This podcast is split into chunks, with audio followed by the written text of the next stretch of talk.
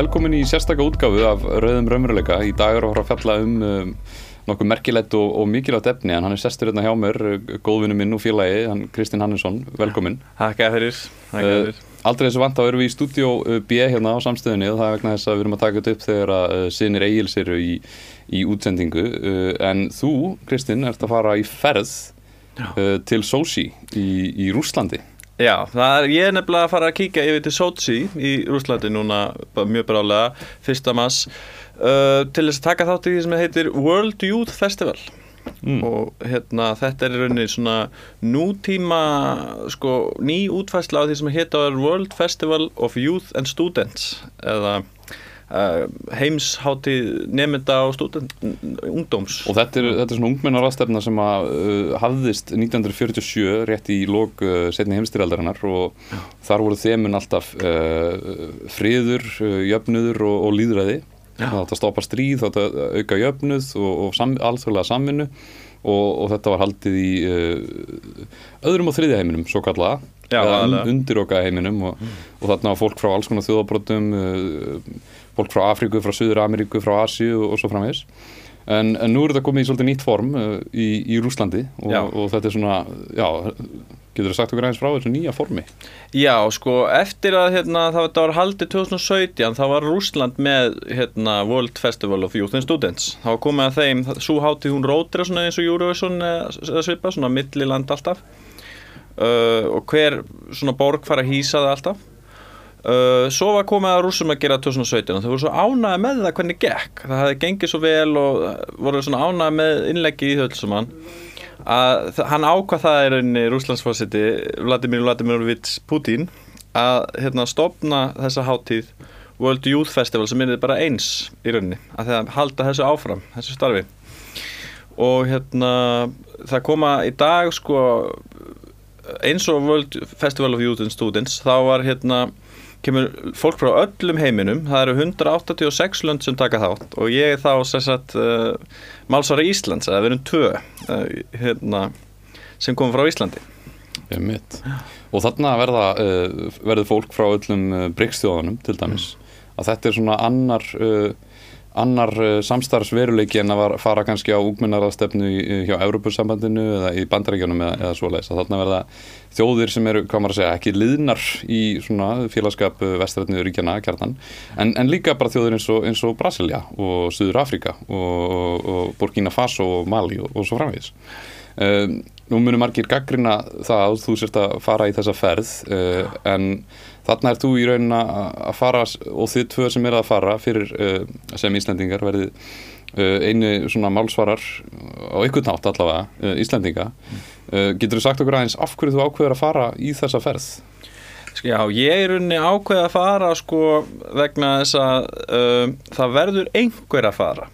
Núna eru við með sko það eru 186 lönd sem taka þátt í háttíðinni og hérna það eru þá það eru 193 í heiminum þannig að það eru þá bara sjö sem gera það ekki. Og ég hugsa bara það að Ísland ætti að vera með þessum 186 ekki þessum sjö. Mm.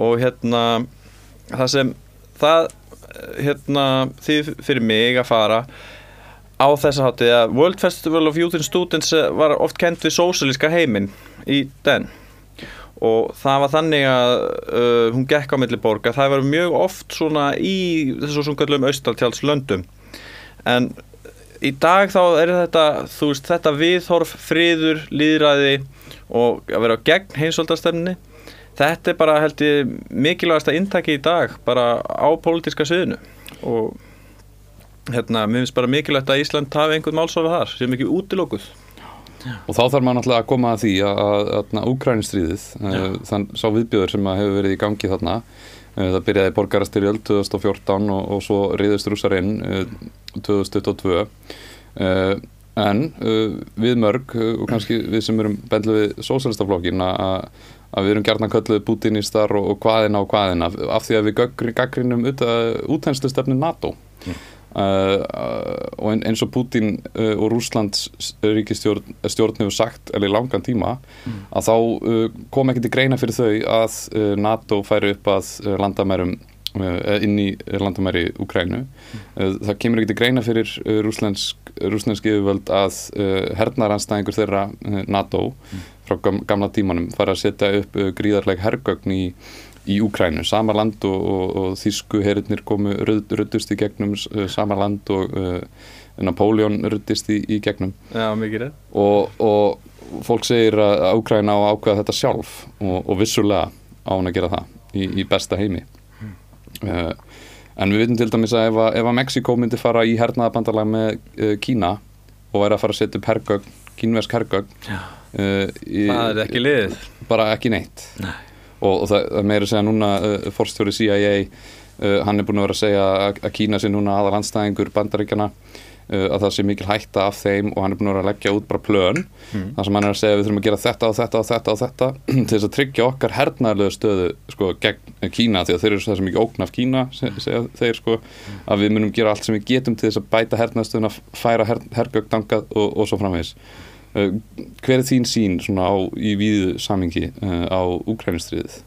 Sko, Úkrænustriðið finnst mér hérna, þetta er náttúrulega einstaklega sorglegt að horfa upp á Úkrænustriðið. Þetta voru bræðra þjóðir rúsar og úkrænumenn uh, en það sem að hefur rauninni gengið á þarna er að þetta er svipa mjög til sko, þetta er svo hann með sko leppstjórn, það er byllt, skal ég segja Bilt sko kjörin í stjórn Úgræni 2014 Viktor Janukovic, hún með steiftastóli það næst ekki á þinginu hérna, tveið þriði meilhutu til þess að steipunum löglega, þannig að það er gert ólöglega.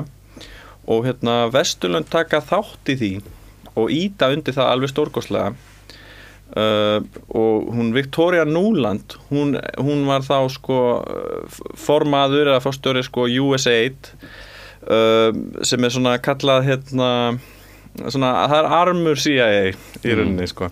að þau eru hérna er svona aðstóðar uh, stopnun bandaríkina en, en hérna hún náðist upptaka henni og send, henn sendi henni að bandaríkina hann á 2014 í rauninni að raða í komandi ríkistjóðn Úkrænu mm eftir mætabill áður en að það hefði verið vísað í Janukovic úr ennbæti og það lag, einmitt, það lag símtala á milli hennar, hennar Viktoríu Núland og uh, sendiherra uh, bandrækjamanna í Ukrænu mm. sem að hafa oft sko, sendiherrar bandrækjamanna, það hefur oft komið ljós að þeir voru eða eru CIA uh, menn, sko, vinna fyrir CIA líka, uh, en við skulum hlusta á þetta uh, símtal So uh, I don't think Cleach should go into the government. I don't think it's necessary. I don't think it's a good idea.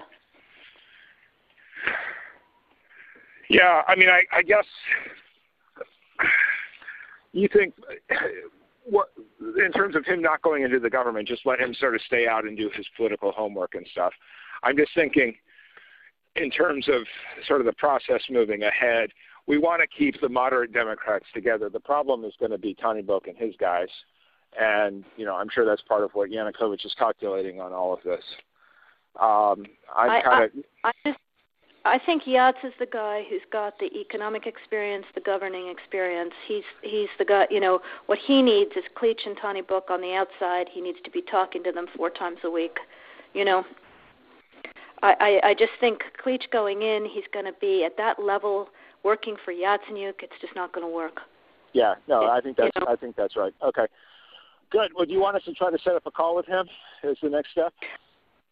My understanding from that call, but you tell me, was that the big three were going into their own meeting, and that Yachts was going to offer in that context a, a three-way, you know, the three plus one conversation or three plus two with you.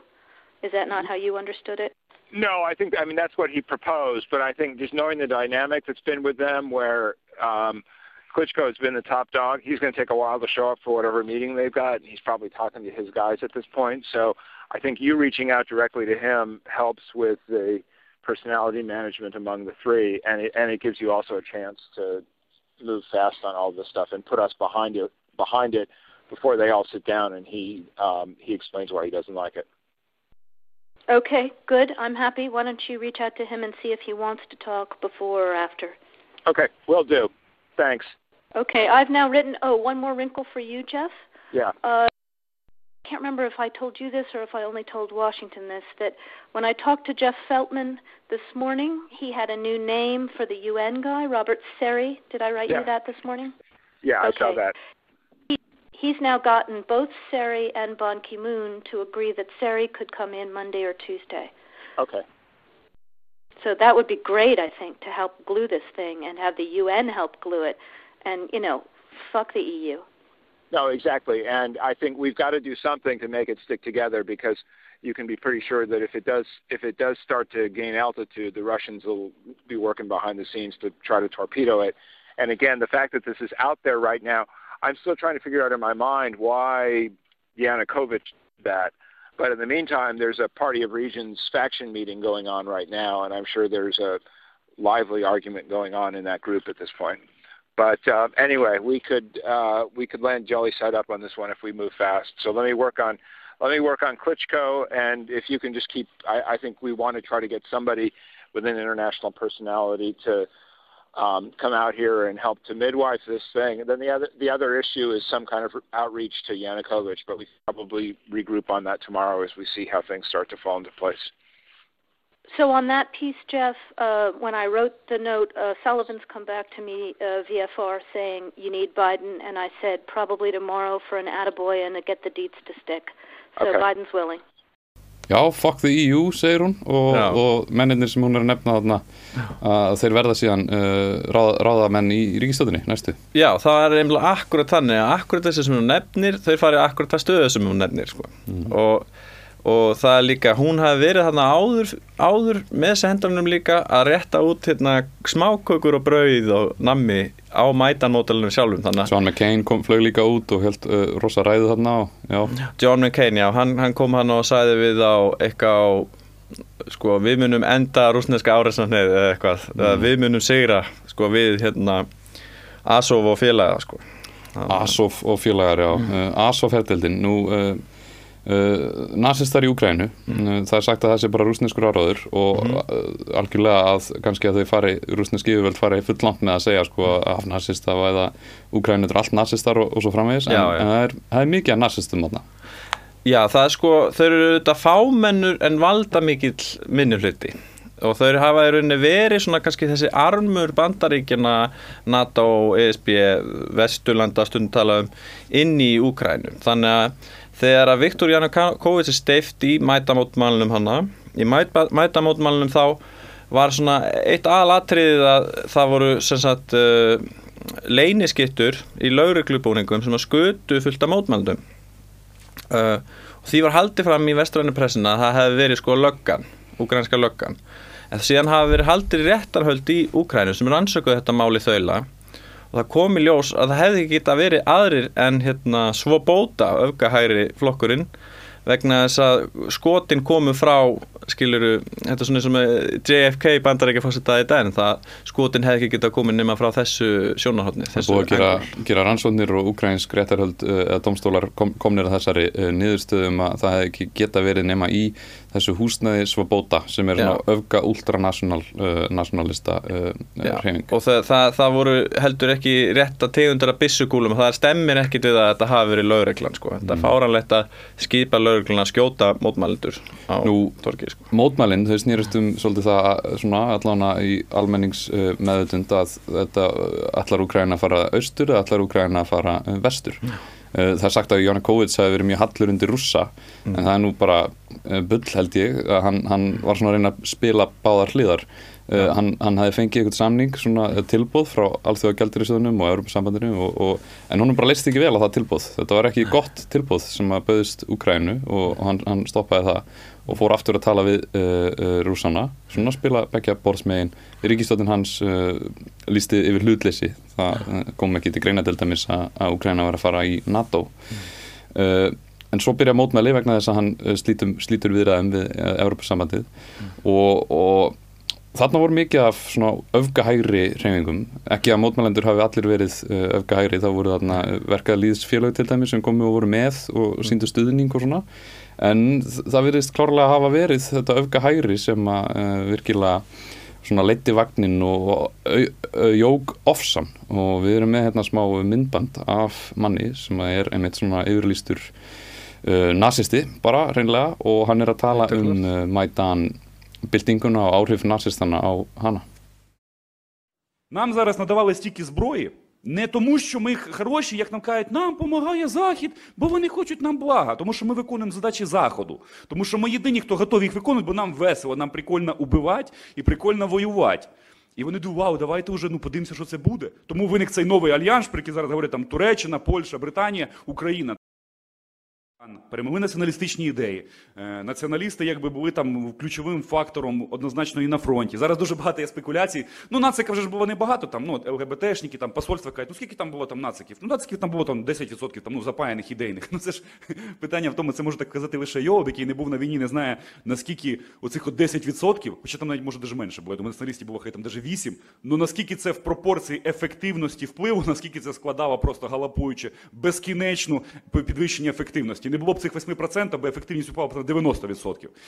То Тут не в числі мова, так само, як на Майдані. Зараз вже почали ліваки, там фонди Бьоля там, і так далі перераховувати. Ну, націоналістів там було, там, да, вони були впливові. Там. Та які впливові? Не було б націоналістів, все би це от пішло би сразу на гей-парад. Já, það er ekkert annað. Það er eitt annað. Hann er ekki að skamma sín fyrir að vera uh, nasisti.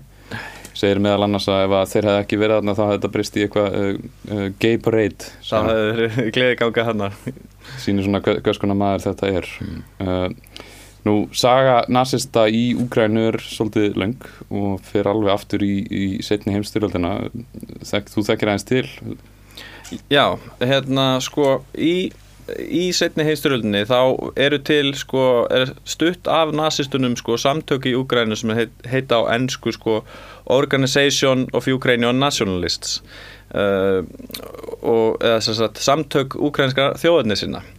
Og leiðtói þeirra, þeirra uh, Stefan, Dan, Stepan Bandera hann hefur hetjuvættur í Úkræni í dag en þetta voru sagt uh, öfgahægri nazista samtök og sko ætlunaverk þeirra var að gera sko gera Úkrænu að leppríki nazistana og berjast gegn sovjetmönnum og brjóta niður sko úkrænska alþjóðlífveldið sem var þá var að hétt uh, Megin, megin þorri Úkrænum hann var að berjast með rauða hernum, rauða herdeldum Úkræn, úkrænska hersins en það var, tölvört af Úkrænu mönnum sem vildi fá auki sjálfstæði frá uh, uh, sósælista ríkjónum og vildi alveg bara vera sitt, sitt eigið uh, ríki og, og svo framvegis og töldi sér geta unnið eitthvað með nazistónum mm. þó að nazistónum voru með þeir þýsku sko, þeir, þeir voru með yfirleist markmiðum bara að reppa austur-Evrópu í ánuð reynilega, Lebensraum, þú veist Það er frækt, já og þau hérna hafa nefnilega sko, þau bera ábyrða því, það má ekki gera lítið því að þau heldu úti sko sérstaklega sveit innan Sjútstafel uh, SS, betur þetta sem SS hjá nazistunum uh, sem hétt uh, Division Galicia. Og það, hún er skipið úkrænumönum einungis, einungis öllum og röðum OON, Organization of Ukrainian Nationalists. Uh, og þau báru ábyrð á sko fjöldamorðinu við Babi Yar sem að er alveg frækt, það var fólki ræðu upp og skotið og sett í skurði og það er talið eitt af vesta sko í helfurinn og það voru ukrænskir na uh, nationalistar sem voru fangaverðir í útrýmingabúðum í, í Ukrænu og fangabúðum tóku virkan þátt í þessu. Uh, en svo, svo gerist þetta sem er kannski minna þekkt en verður að fara að koma upp á yfirborðið.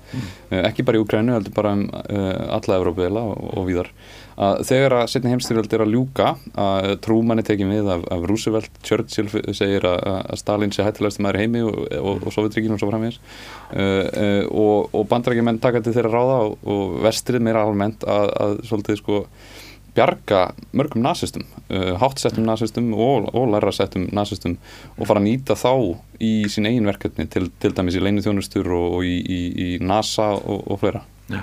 Þetta er alveg, þetta er alveg frækt, bandaríkning heldur til minns út þannig að það er frækt, það eru nokkur sko, það er uh, Operation Paperclip, það eru teknir nazísku vísindamennir uh, fengnir til þess að hérna, gera rakettur og slíkt, uh, svo var Operation Safe Haven, það var, þar var verið að bjarga sko bara nazískum ráðamönnum og svo hérna, Operation Aerodynamic það er, það, hún snýst um ukrainsku nazistina það verður að koma þeim í skjóli í, í bandaríkunum mm. og hérna það var bæði katholska kirkjan og náttúrulega bandaríkin og það sem síðan verður NATO sem að vera að halda þessu úti. Og hérna það má ég raun segja að hérna sko hérna frjálslindismenn hafa unnið sko setni heimstyrjulina eða, eða sovjetmenn hafa unnið setni heimstyrjulina en að fasitinnar hafa unnið kaldastrið þeir eru ennþá til staðar. Og CIA það fættist eða bara þarna í kjölfar setni heimstyrjaldarinnar uh, mi- mikið með mörgum nazistum Já. sem hefur verið að stjórna lauruglu ríki uh, fasistana Það er ótrúlegt að ef þú skoðar, skoðar það hverju voru sko framan, framanlega í NATO uh, eins og Adolf Heusinger hann var hérna hesshöðingi hjá Hitler og hann verið síðan aðsti stjórnandi NATO, ég held að það var annar til að vera uh, Supreme Commander eða svo leis Þetta er, þetta er nefnilega alveg reynd beint uh, ótrúleitt svona með það sem maður er alveg upp á og svona sögu skýringarnar sem maður fær að, að þetta stemmir ekki alveg við svona okkar hugmyndir flestra held ég bara. Svo fyrir að skoða þetta það eru þarna næstur allum allt uh, en ef við förum aftur að Úkrænu að bandarækja menn, já þeir, þeir bjarga uh, og, og nýta fullt af næstum frá Úkrænu Uh, en svo fara þær aftur núna svona á okkar tíð ja, fyrir 20-30 árum og þá fara þær að fjármagna og styðja eftir fallsóðutryggjana uh, uh, uh, ultranationalískar reyfingar innan Úkrænu eins og Azov, svo Bóta Sector og svona reyfingar sem að uh, skima til þeirra. Og nú áður en að borgarstyrildin breyst út þá uh, voru uh, partar af demokratum í bandaríkjanum sem að höfðu svona orðið var við þetta að það væri verið að fjármagna og vopna og þjálfa ultranationalista sjálfs yfirlýsta sko svona kynþáttu eth, eh, hvað maður að segja, ethno-national ultranationalists. Ekki þá tatara já, bara bullandi rasistar, nazistar, fasistar. Og, og þetta voru uh, AOC, uh, Alexandra Octavio Cortez og, og fleiri svo kallið Justice Democrats sem, að bentu á þetta í þinginu eru, við, við, við, við megum ekki vera vopna fasista. Og það var stoppað uh, uh, það, það, var, það var, þá hættu þeirra að fjármagna því En, en þegar að, að Janukowicz fór svolítið á svona flakka á milli sko, hann var, uh, leit út eins og hann geti farið í aðra hvora áttina þá, þá fóru þeir að stiði þetta aftur. Uh, og, svo, og svo kemur náttúrulega til uh, borgarastyrjaldarinnar. Uh, svo tekur hann við fórsetinn og ríkistjóðin sem við sáum hann Núland og, og þau uh, hafa verið að bara raðað inn í. Já, já. Uh, en svo kemur Solenski á, á sjónasvið getur aðeins sagt okkur frá Solenski Já, hann Selenski, hann er svolítið eins og ég, ég tala stundum ein- um hann eins og svona í- evil Jón Gnar hann er svona, hann er svona þannig karakter, hann er með þannig þátt sem heitir sko þjóttfólksins. Uh, Narodni eitthvað Servant of the People á, á ensku. Og þá leikur hann sko fosseta þetta er grínþættir svona, svona eins og kannski og The Wire eða eitthvað eins og Ráðherran hjá Jóni Gnar hann var með svoleiðis þátt.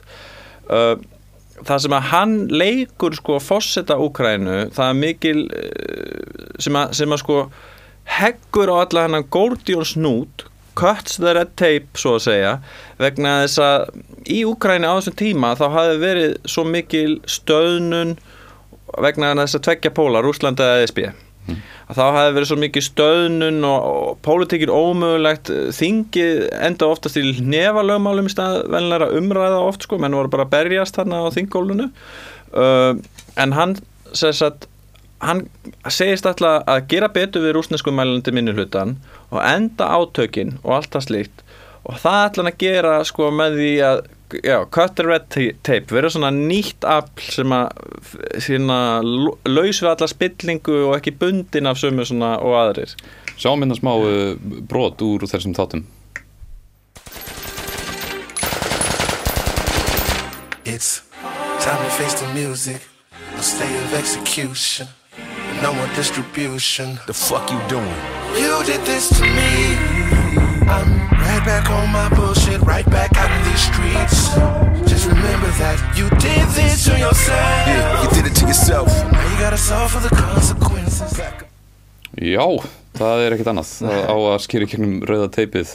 Uh, það er sem sagt svona almenningsáliti að það sem er verið að snerta þarna er að átökin halda bara áfram, borgarstyrildin heldur áfram en fólk vil þetta frið, fólk alls þar í heiminum vil frið, Já. uh, það, fólk er líka óanætt með spillinguna, það er náttúrulega mikið öðræði búið að vera í Úkrænu frá falli Sovjetríkjana uh, en þarna, þarna, þarna er Selenski að, svona, já, hann, að drit, hann losa sig við hérna allt rautt teip.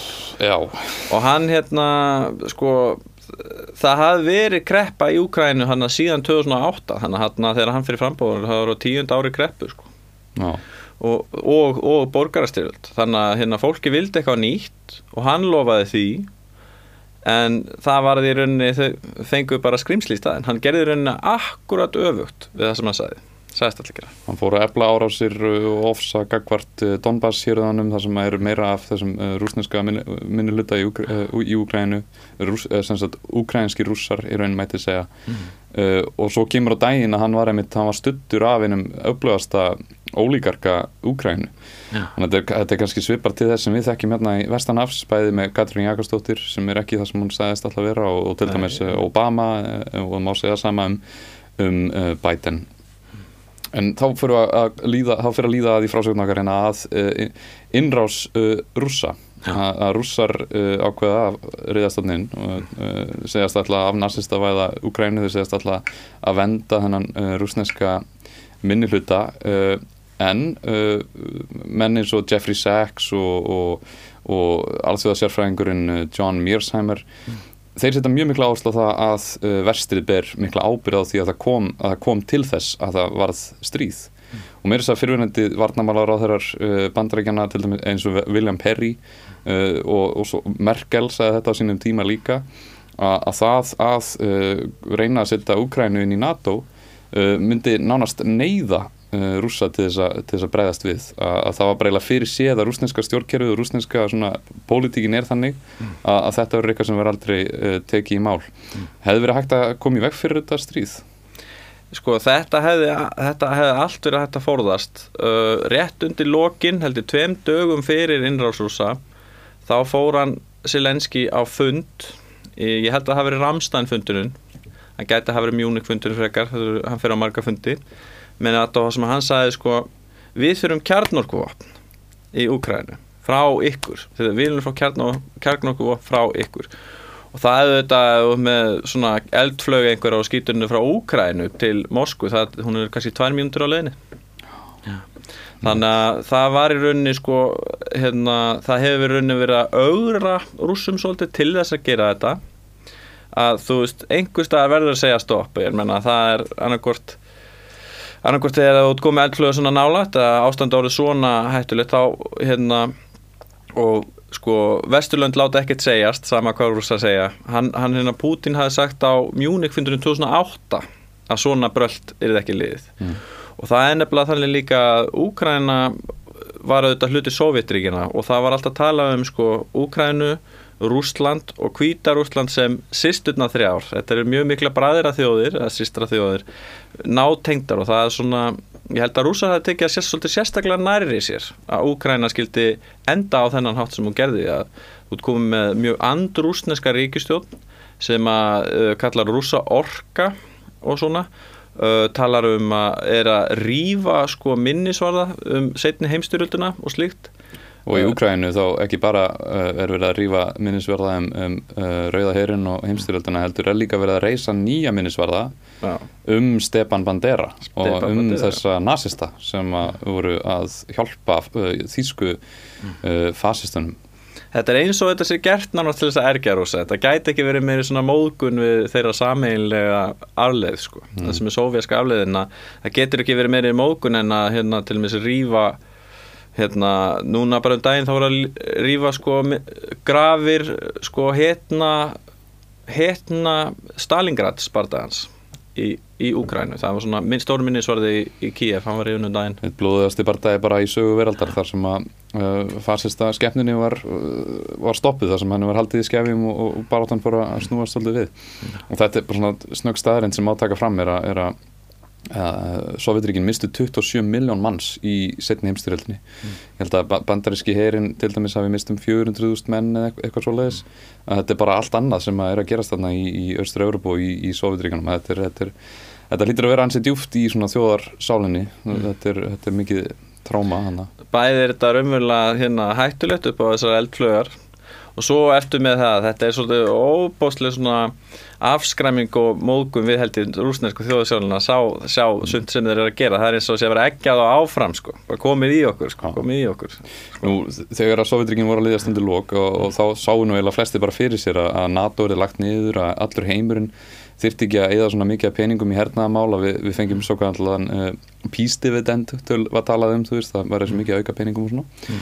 Og rússar, uh, Bill Clinton kallaði nú Jeltsin uh, our guy, þú veist, það okkar maður og, og svona og, og svo þegar Putin tekur við það, þá, þá er hann bara nokkuð innveittur uh, vesturinu, hann, hann meira þess að leggur til að, að vill að, rússar fari inn í NATO og hann vill að rússar fái kannski endanum að fara inn í ESB og svona, en, en þetta fer að súrna svolítið.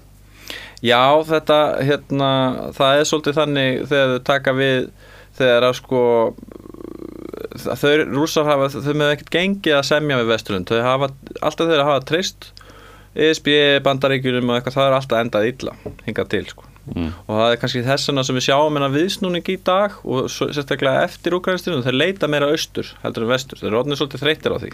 Já, og hafa byrjað að undirbúa þetta kannski og þetta hefur komið svolítið vesturinn á óvart að, já, uh, en við, við erum líka með eina skýrslu hérna sem er mjög uh, uh, maður að segja, telling. Ég, kann ekki alveg því það á íslensku en, en þetta er sem sagt uh, Rand Corporation. Þetta er hugveita, mjög, mjög uh, áhrifamikil hugveita í, í svona varn, varnamálum bandarækjana eða hernaðamálum bandarækjana og skýrslan er frá 2019 uh, höfum í huga að rússa ráðast inn þannig að þrejum árum setna en í þessari skýrslu að þar er verið að útlista hvernig bandarækin geta veikt uh, Rúsland hvaða leiðum uh, bandarækin geta beitt til þess að veikja Rúsland sem mögulegan anstæðing þess, hvernig, hvað þau geta gert til þess að bæta hernaðarstöðu sína gagvart uh, Rúslandi og það er merkilegt að lesa þessa skýrslu og við munum uh, setja hlekka á hana uh, af því að þarna er nánast útlistað bara síðan næstu uh, þrjú-fjör ár Já, og það er svolítið merkilegt þegar maður skoðar þessa skýslu að allt sem að kemur hana fram hefur verið gert síðan.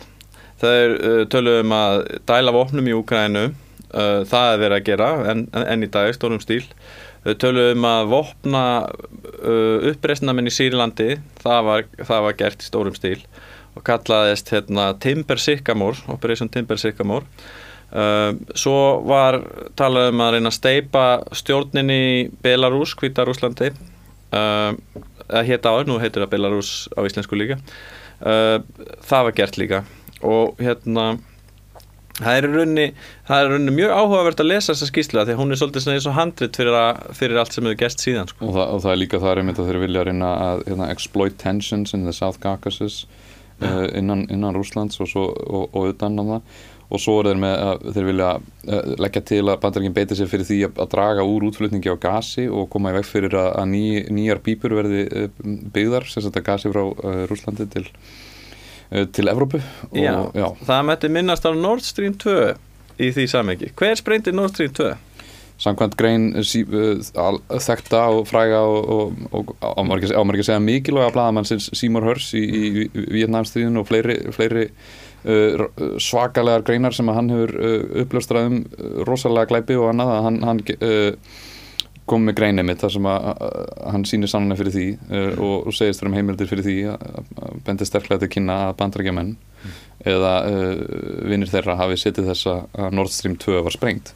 Og maður velti líka fyrir sér af hverju myndir rússar sjálfur sprengja þessa rándýru innviði sem voru nýkomnir í, í gang? Þegar þið gáttu bara að skrúa fyrir Já, þau gáttu bara að skrúa fyrir innan sinna landamæra og sama niðurstaða sko. og nota þetta sem bara svona, þú veist, eitthvað eitthva, eitthva leverage. Vogarafli á, já, hefði það var alltaf sko, talið verið ógnin að það myndi verða. Það, þau gerðu það aldrei, það var svona þau eru eftir að nota þetta til þess að þinga okkur í stríðinu. Síðan bara sprengiru lögnina og þá, þá er það ekki hægt en þú náttúrulega missir allt gasið.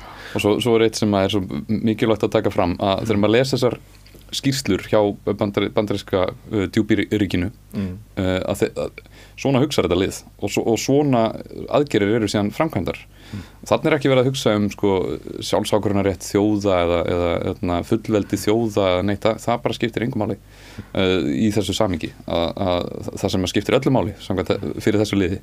Og, og sama er að koma frá uh, CIA forstjórunum sem að tala um Kína núna að, að það skiptir öllu máli að styrkja hernaðarstöðu okkar gagvart uh, andstæðingum okkar. Sama hvað það þarf að gera. Og náttúrulega við vitum hvernig kaldastriðið til var. þess að, já, til þess að blekja, sjúga neð, ljúga, svíkja.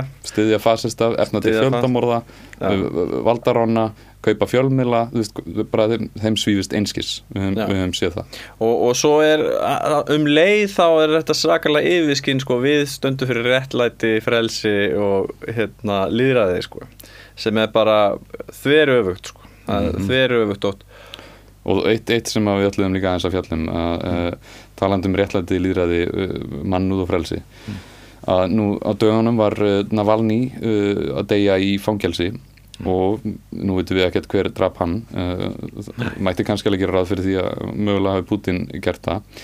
En í vestrinu að þar er talað um Navalny sem svona frjálslindan uh, líðræðismann sem ætlaði að reyna að beita sig fyrir líðræði og, frelsi í, í, Rúslandi en, en uh, hann var nú ekkert sérstaklega vinsæll í Rúslandi Nei, hérna hann að Valni hefur aldrei náð sko 5% fylgi eða slíku í Rúslandi hann var það sem ég kalla svona utanþings uh, sko stjórnarnanstöðu og er rauninni irrelevant karakter í rúslenskri pólitík en hann var, stóð alltaf fyrir hennan sko hann var aðskilnaða sinni fyrir sko þessa hvítu rússa, slavnesku þjóðabrót rússar sko.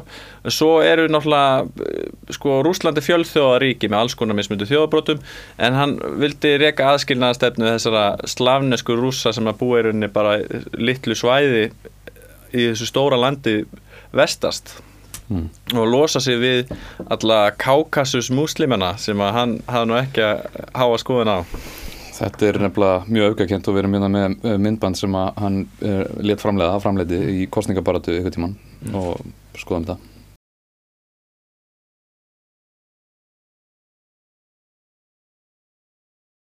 Здравствуйте! Сегодня мы поговорим о борьбе с насекомыми. Никто из нас не застрахован от того, что в наш дом заползет таракан. Фу, ну или в форточку залетит муха. Все мы знаем, что от мух отлично помогает мухобойка, а от тараканов – тапка. Но что делать, если таракан окажется слишком велик, а муха не в меру агрессивна?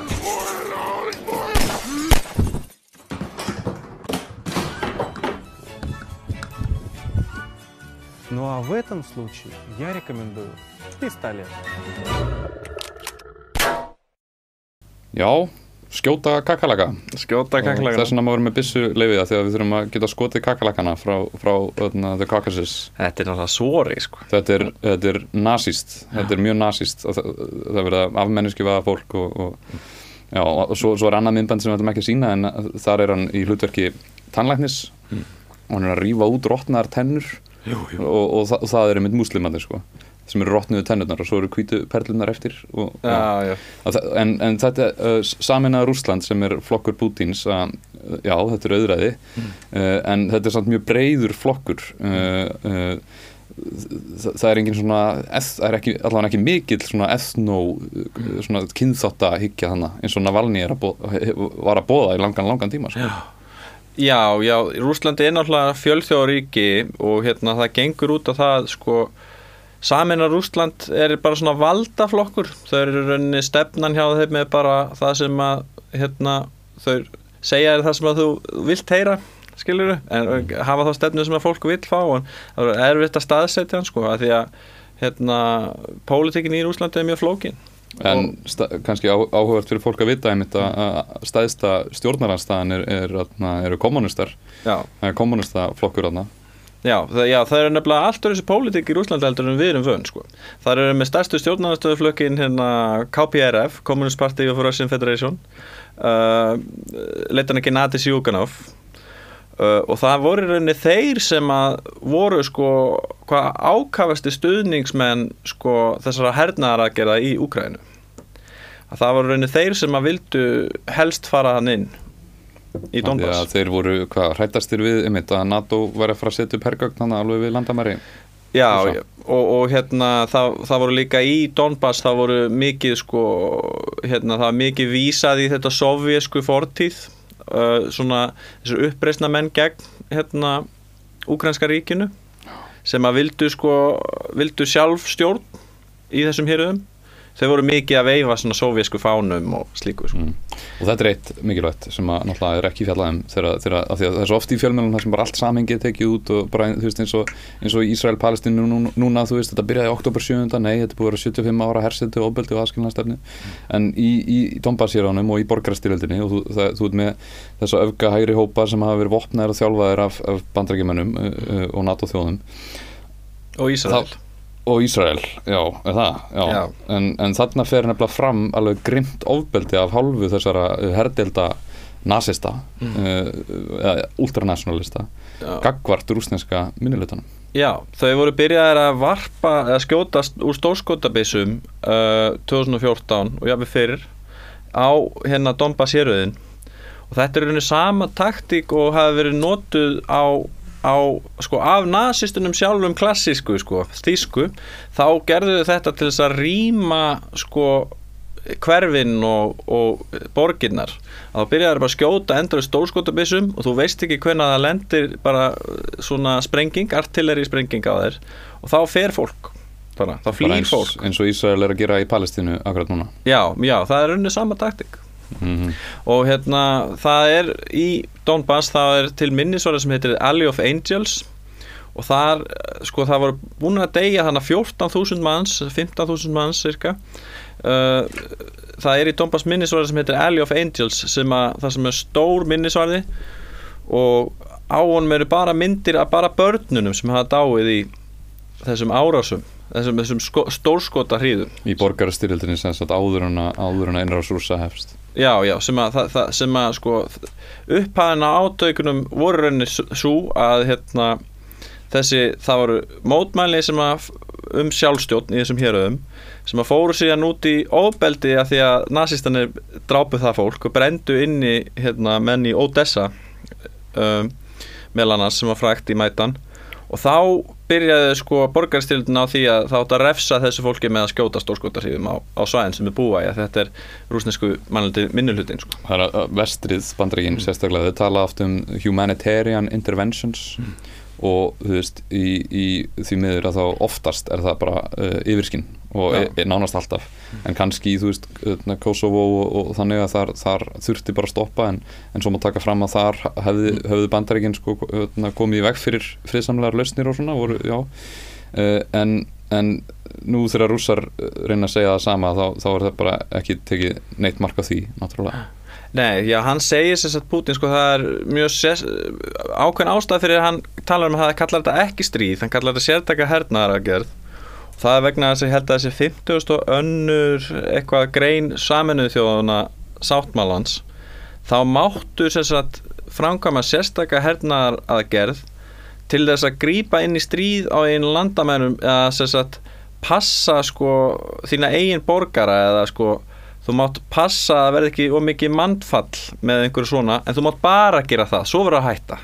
Þú verður að stöðva mannfallið og svo, svo verður bara að fara. Þú mátt ekki hýrða eitthvað að landi eða, eða svoleiði sko. Og hann vil með, rúsar haldaði fram að það sé það sem eru að gera, þau eru ekki stríði þau eru í svona sértækri hernaðarakir samkvæmt þessu hvað, eh, þessari grein sáttmálans En já, ef við tölum aðeins um þetta svona víðara samhengi, þessi geopólitík eins og þeim þetta, þarna, þessi randskýrsla, extending Russia, þú veist, mm. þarna er verið að hugsa langt fram í tíman.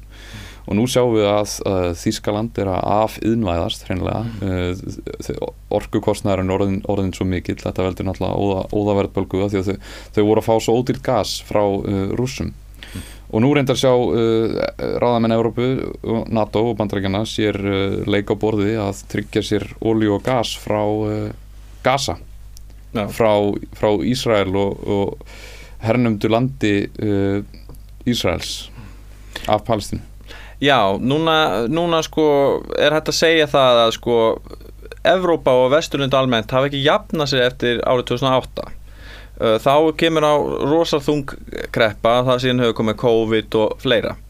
En sko kapitalið reynir alltaf að leita til þess að sko bjarga kreppunni með svona stríðsbröldi og einokun. Af því að þetta er það sem kallast hinsveslastefnan að hérna, bandaríkin þarna, eru búin að koma sér í einokuna með vestlun og gasi í Evrópu þegar Nord Stream er farið. Og þau geta stýrt verðum eins og þeim sýnist vegna þess að Nord Stream er farið og hérna þau eru sko þessi viðskiptabönnur er svona bara form þess hérna. Og þá þá sér maður það að, sko, að þetta mun ekkert ganga að, að þetta hefur aldrei gengið, þetta hefur alltaf leitt til heimstyrjaldar þetta var mjög svipað í kreppunni miklu sem að 2008 er mjög svipað og kreppan mikla að þá eru þessar þrjáleiðir það er sagt, hérna, sem er reyndu, það er Roosevelt með sinn sko bjargakapitalismu Keynesian hérna, Sósaldemokrasi og ykkur, New Deal Democrats svona. New Deal, já, og hérna, það er New Deal hans Ro Roosevelt svo ertu með hérna, Stalin og sósalisman félagshyggjuna Svona planaðan efnahag, alveg planaðan efnahag Mhm. og, og, og það sé leiðin til þess að koma okkur úr kreppunni að sko að taka e- eignar, leggja niður eignarettin og ríkis, ríkisreksturinn Mm. en svo ertu með fasismann sem að snýst um það að sko brjóta niður valdastriði og hérna brjóta niður hérna óæðri og svona sem sagt fækka fólki og slíkt eins og Hitler og þeir gerðu til þess að sko hafa svona þræla undirstjætt sem að eins og í hérna útrýmingabúðunum sem að vinnur allt til þess að sko lækka uppihald, það er sem að sé ómikið álag á innviðina það er svona súhugsun Mm. og það, hún byrti svolítið líka í dag í sko að hagfræðin sem er verið að stunda þar hún er svo sama og neoliberal hagfræði, það er verið að engavæða og slíkt, það hugtak er fundið upp til þess að lýsa þessum nazistinu voru ekki og þetta er eitt sem að sló, svona, ég lærði bara fyrir nokkrum árum, ég taldi mig vita svolítið mikið um heimstyrjöldina og eitthvað svona en, en svo, svo eftir að hafa lesið hann Michael Parenti sem er frábær uh, stjórnmálafræðingur og, og sagfræðingur að hann, hann skrifaði frábæra bók sem ég leindir með sem heitir Black Shirts and Reds uh, The Overthrow of Communism and Rational Fascism. Og þar er hann að tala um þess að vinkla sko bæði fasismans og kommunismans uh, hann er að tala um stjættavinkilinn Mm. sem er gríðarlega stór jafna í, í öllum þessum málum og í þessari í bara þróun heimsins á, sérstaklega á, á 2000-öldinni en það er hann að benda á stjættavinkla fasismans að þeir er mynd snúast um það og, og, byrtust þannig að þetta voru kapitalistar sem voru að missa uh, þann stórkostla hagnað sem þeir höfðu verið að njóta bæði vegna, vegna margra ástana uh, en, en meðal annars vegna þess að verkefælisreiningar og sósélistaflokkar uh, og kommunistaflokkar voru að verða öfluri, voru uh, fólk var að að taka völdin í sínar hendur með, með samvinnurreifingum og, og svo framvegis. Og, og, og, og launin voru að hækka og, skattarnir voru að hækka og þeir þetta borga meira í velferð þjónustu og, og svo framvegis. Þannig að þeir voru að missa hagnaðin sinn en þeir fóru að sjá sér leik á borði með því að uh, fjármagna uh, öfga svona hægri brjálæðinga eins og, eins og Hitler. Og Hitler var bara og nastanir voru uh, sem að hétu by the way National Socialist uh, Workers Party of Germany, uh, eða ekki? Já, Jú, jú, jú. Þeir reyndu, þeir voru svona með populist hljómandi uh, tungumál. Það er á National Socialistiske Deutsche Arbeiterpartei Mm, Já, þarna, að, því að, að því að sósialismi var mjög þarna á þessum tíma því að hann var að ná miklum framförum fyrir fólk en sem sagt þeir eru að missa hann uh, hvað maður að segja, þetta hagna hlutfall eða hagna, þessi ofsa hagnaður er, að- er Hann leitar fara alltaf niður við, já. mm. þannig að þeir fara að fjármagna þennan uh, örflokk og, og, og hann uh, fyrir að skjótast upp þetta er náttúrulega í kreppinu, kjölfar kreppunar miklu einmitt og í kreppinu miklu Já. og þegar svona lítill öfgaflokkur fær gríðarlega, gríðarlega fjármunni og það náttúrulega getur hann haft bara hellinga fólki í vinnu og svo framvegis við að breyða út uh, áráðri og, og það gerðist og, og hann náði svo miklu vinsaldum mann í kostningum uh, en samt ekki meira en þú veist var, var það ekki 33 þegar kostningarna voru sem þar sem að uh, nasistani fengu um 30% fylgi eða eitthvað? Já, En- það var aldrei meiri hluta en þau voru stærsti flokkurinn. Já, og, og Parenti bendir skýrt á og, og sýnir fram á það bara í þessari bók að þeir sömu kapitalistar, stórkapitalistar sko í Þýskalandi sem höfðu fjármagnað Hitler og verið að stuð, stiðandi valda að þeir fengu síðan greiðan, greiðan tilbaka sko. Að, að þeir fengu risavaksna sérstaka skattaafslátta uh, skattar voru líka bara lækkaðar almennt á auðstjættina uh, skattbyrðin var uh, færið yfir á, á verkafólk uh, og náttúrulega með, uh, með auknu þrælahaldi þá er líka eitt að, að auka hagnað. Þannig að já, fasismin er, er svona er yfirstjættin, ykkur ákveðnar kapitaliskar yfirstjættir að- finna sér bara uh, óbeldismenn sem þeir geta komið fyrir í valdastöðum til þess að kremja niður uh, vinnandi fólk. Og þetta er þróun sem að er sko eh, vegna þess að hagnaðarinn í samfélaginu, þetta er svona k- kjarni inn í mark sko, að hagnaðarinn er alltaf offramleysla og hérna það endar alltaf þannig að verkamenn get ekki keift það sem er framleiða og þá ertu komið allt og mikið af vöru sem sittur bara að það er ekki verið hægt að kaupa. Og þá þess vegna leitar hagnaðan alltaf niður á við. Og því, er, það er reynd að bjarga því með alls konar aðferðum.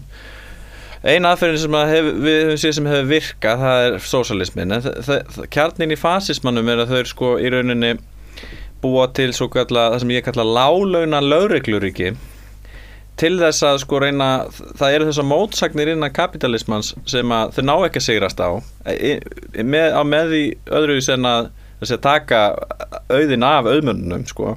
en þú sér það að nasistum þá eru það, þeir, þeir alveg látni vera þessir auðmenn og þeir, þeir fá sponsið sko. og það er almenningur sem fara að gjalda og það er mjög svipuð svona þróun kannski svona aðeins mýgri sem er að eiga sér í stað hér eftir 2008 og svona, það er alltaf að neoliberal hagfræðin, það er sama en svo fyrir að koma inn þetta lögregluriki eins og við sjáum í dag þá er svolítið í dag lögga fara að leika sér með svona hriðjuverkalög og slíkt það get, bóðar ekki gott. Og að valdefla til dæmis ríkisáta sem er að þetta er svona uh, partur af þessu að, að taka burt uh, sjálfstæða uh, samningstöðu verkafólks og, og verkefélaga þeirra.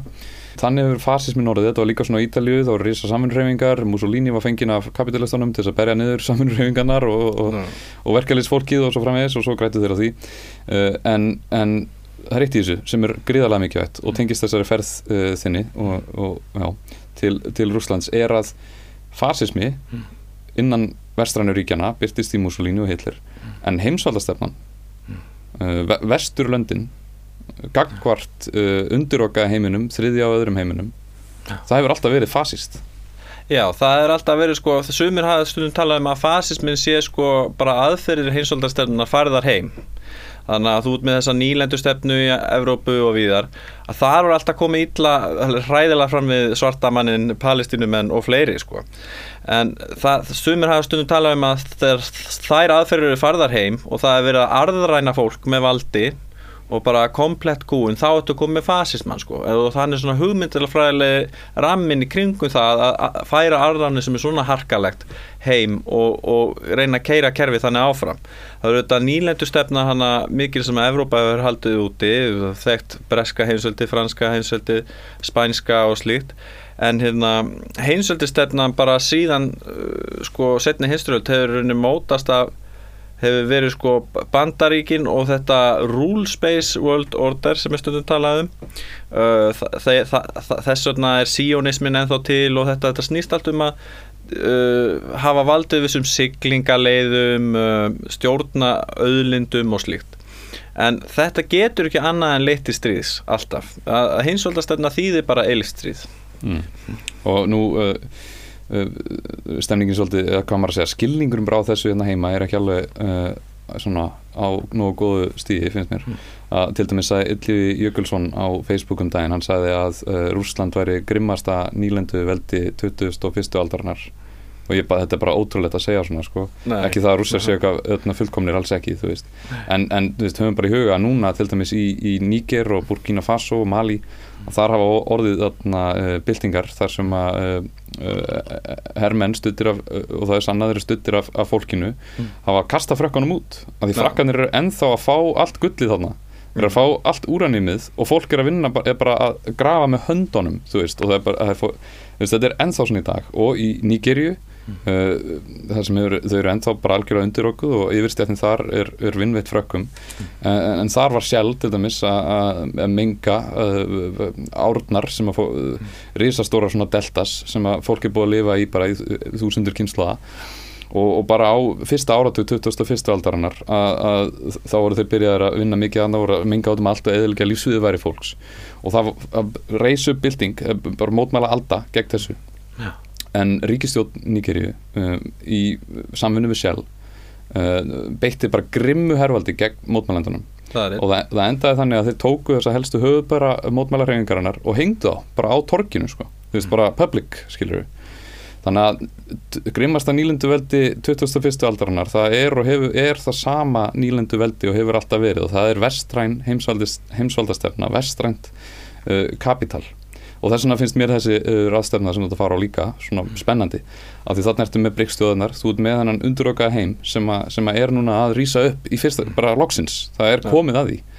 Og, og viljum við Íslendingar bara sitja á hlýðalínu og standa með sko fasistunum fasistunum sem hafa, hafa beitt sér gegn öllu þessu fólki unduröka heiminum og eru í, í auknum mæli að beita sér gegn okkur og, heima og hafa alltaf beitt sér gegn minnilegta hópum, hópum hérna heima. Uh, og þetta eru þeimun hérna á, á þessari ráðstefni það er, það er, það er friður, það er sameinleg uh, framþróun í, í, í, í krafti friðar. Já. uh, það, er að, það er að virða fullveldi þjóða það eru alþjóðalög uh, og, og svo framvegis.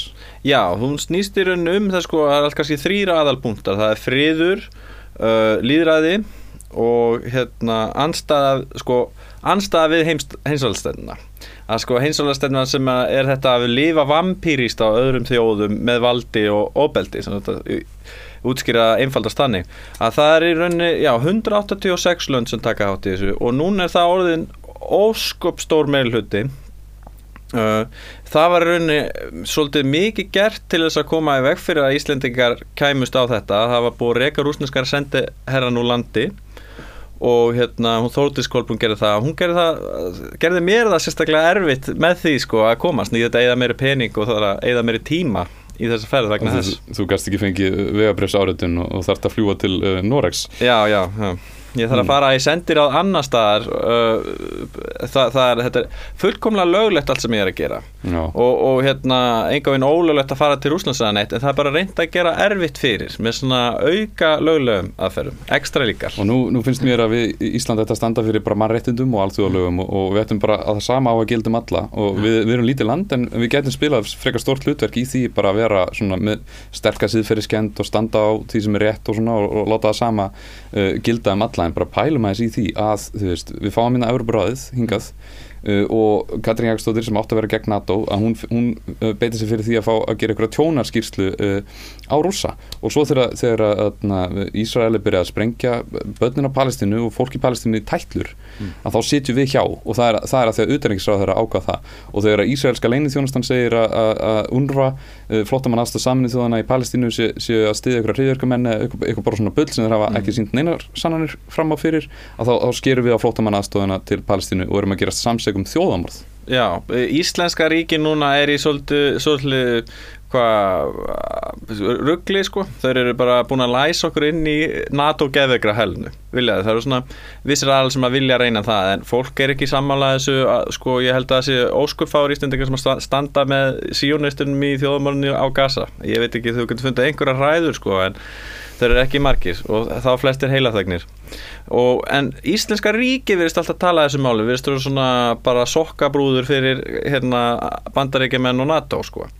Uh, en það til þess að þetta breytist eitthvað og, og það fara að endurspegla svona eins og flest fólki á Íslandi líður að, að sko við erum sko Íslandingar eru frægir ferðalangar. Við fó- við tala um að hafa fundið Ameríku uppgöt að Ameríku að svoleiðis ferðast út um allan heim og sko við tölum við indjánuna fyrstir kvítið mannana og svona. Að sko við getum átti vinalegum tengslum við allan heiminn og svoleiðis sko við þurfum ekki endilega að vera að reka alltaf stefnu sko NATO sem að var nú aldrei kosið um að ganga í sem, sem smáþjóð þá er það okkur í haga að, að reyna að tryggja sko svona réttmæti og, og getu alþjóða lagalega umhverfisins, lag, alþjóða samfélagsins til þess, að, til þess að breyðast við. og okkar öryggi byggist á því að því sé fyllt og við sjáum það núna á Gaza og við núna erum við með í þessari blokk sem að er að sko hjálpa bandarækjumannum sem er búin að neitt- beita neitunumvaldi eitthvað þrísa fjóru sinnum gegn, ja, gegn sko vopnaliði á Gaza að við erum búin að skipa okkur í þessara óbóslega litlu fámennu blokk sem að ætlar að taka undir það og vera með því bulli sko Þá ætlum að loka okkur af uh, frá restin af umheiminum sem er núna að rýsa upp og, ætlum að vera með þessum brjálæðingum hreinlega. Það, það, er svona plan, allan plani hjá Bjarni Ben, þetta er alltaf ekki, þjóðin er aldrei spurð.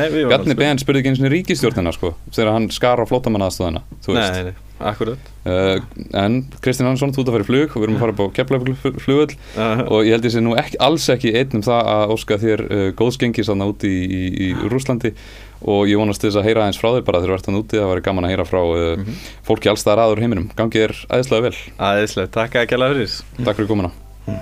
Takk